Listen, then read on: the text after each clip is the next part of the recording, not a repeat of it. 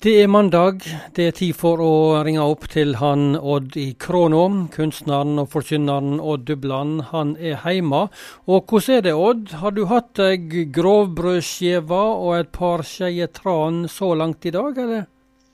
Ja, god dag, god dag, Inge. Jeg har hatt ei god hjemmebakte store, grove skive, og så to spiseskjeer med tran. Og så litt Biola. Det har jeg hatt. Og så har jeg, På den måten så har jeg en god frokost. Du sier god heimebakt skive. Hva skal ja. til for at den heimebakte skiva blir god? Ja, jeg har nå ei oppskrift, men jeg tør ikke jeg kan ta fram den. Men du må bruke en del grovt mjøl. Eh, sammalt må du bruke, i tillegg til vanlig kveitemjøl. Så må du ha i litt havregrøn. eh, havregrønn og litt solsikkefrø. Eh, og andre ting òg kan du ha i, altså. Men eh, jeg syns at det, er så mye mat ser du, i de hjemmebakte brødene. Det du kjøper, det er veldig mye luft i dem, liksom. De er så oppblåst. Men, Men de som er hjemmebakte, de er mer faste i fisken. Og så må det være grovbrød? Ja, det må være grovt. Ikke sant. ikke sant. Ja, ja. ja. Du, Da er vi altså i gang da med mandagen og en liten drøs med deg. Du sitter jo og venter at jeg skal ringe på mandag, og det gjør jeg. Så um, i dag eh, så skal vi snakke om det å komme til veis ende. Ja, og da lurer jeg på hva ende du vil begynne i nå? Ja, jeg tenkte litt først på det som Jesus forteller i en liknelse om denne uh, sette arven over styr. Det var to sønner, og den yngste sa til far sin at ta og gi meg uh, min del av arven. Og så fikk han det. Og så uh, reiser han ut i verden der han setter alt over styr og lever et utsvevende liv. Og han havna til slutt i den mest fornedrende situasjonen han kunne være i, som en jøde. Det var at han måtte gjete svin. Og han eh, ser til slutt eh, at her er det ikke mer å få. Det var ingen som ga noe ting, står det skrevet. Og da bestemmer han seg for nei, jeg må gå hjem igjen, altså. Han var kommet til veis ende. Og så kom han hjem og fikk oppleve at far tok imot han igjen. Han gjorde det. Og det ble en eh, lykkelig ende for denne mannen? Ja, det gjorde det. Altså en, Faren oppførte seg så utrolig vennlig og god, godt imot han, og Dette er et bilde på Gud, hvordan han er. Dette kan vi lese om i, i bibelsoga i Lukasevangeliet kapittel 15, denne historien her. Men, men er det andre som eh, opplever dette her, både nå til dags og i historien opp igjennom, tror du? Ja da, jeg skal ta med et par forfattere som jeg har snakket litt om før. Og Den ene av dem var den svenske forfatteren August Strindberg. Han var født i 1849 i Sverige? Ja. Han er blitt kalt for den svenske Ibsen. Men han levde et nokså omtumla liv, og han var ateist eller gudsfornekter og fritenker. Og han kasta vrak på alt som hadde med Gud å gjøre. Og så rota han seg opp i mange vanskelige ting. Men i den siste boka hans så skriver han slik Jeg tilskriv alle mine ulykker den ene årsak at jeg har vært gudløs.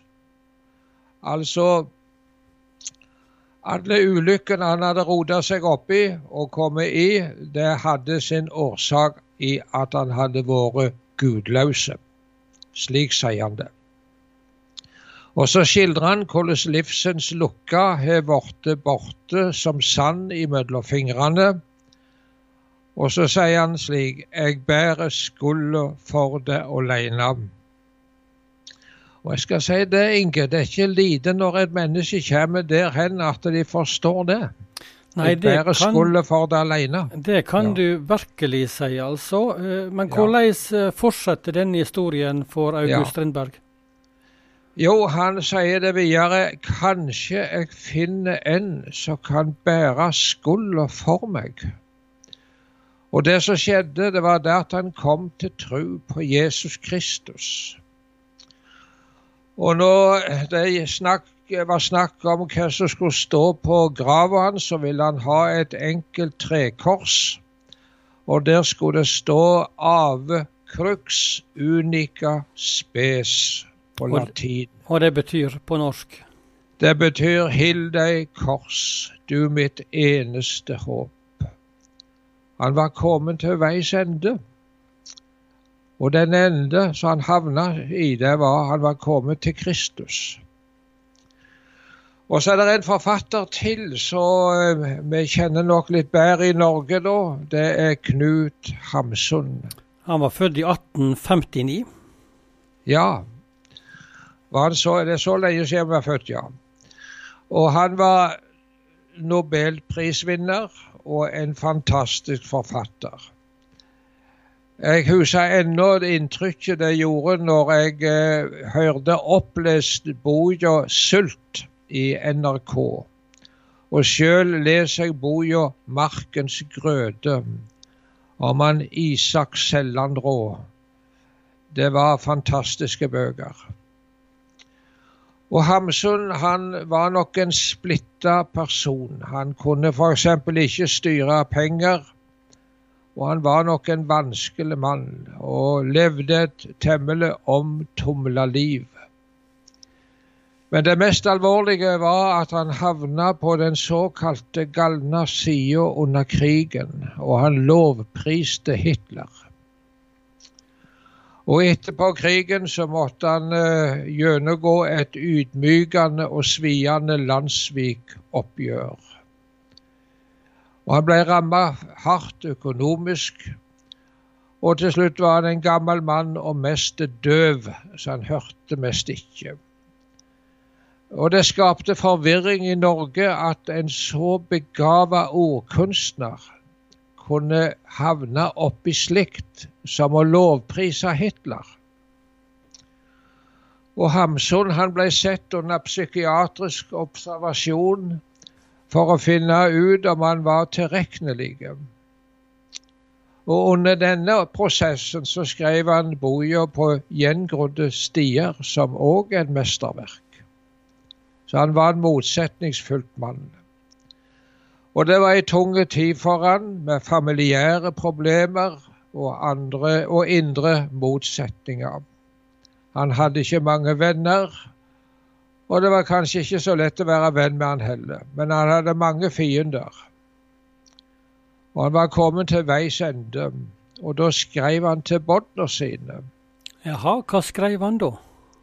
Jeg er ikke noe hengeøre, altså det vil si mørkemann, altså. Jeg er ikke noe hengeøre, men jeg er dypt lei av å tumle om uten å ha noe annet enn min stakkars fornuft å holde meg til.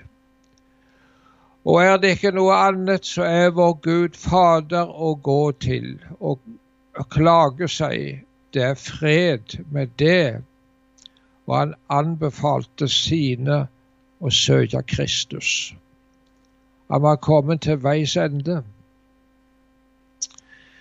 For noen år siden, eh, ikke så veldig lenge siden, så satt jeg ved senga til en dødssyk mann på sykehuset i Stavanger. Han var ingen gammel mann. Men eh, han hadde opplevd også mye vanskelighet i livet.